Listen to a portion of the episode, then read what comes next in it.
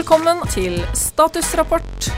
Hvor står vi egentlig i homokampen i 2018? Har vi tapt? Det er veldig vanlig og normalt å ha både fantasier og tanker om eh, begge kjønn. Altså, Man sier ikke sånn 'du, mamma, jeg foretrekker sorte menn'. Altså, Man begynner ikke sånn. ikke sant? Så det er sånn Hvorfor skal kjønn være noe forskjell?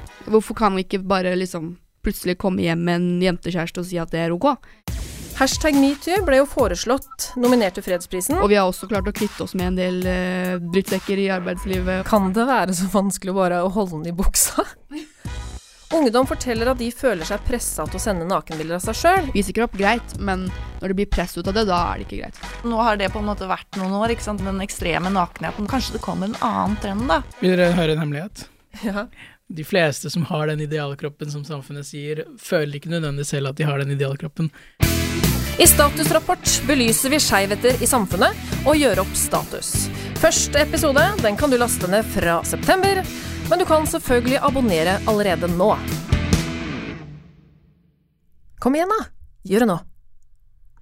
Nå!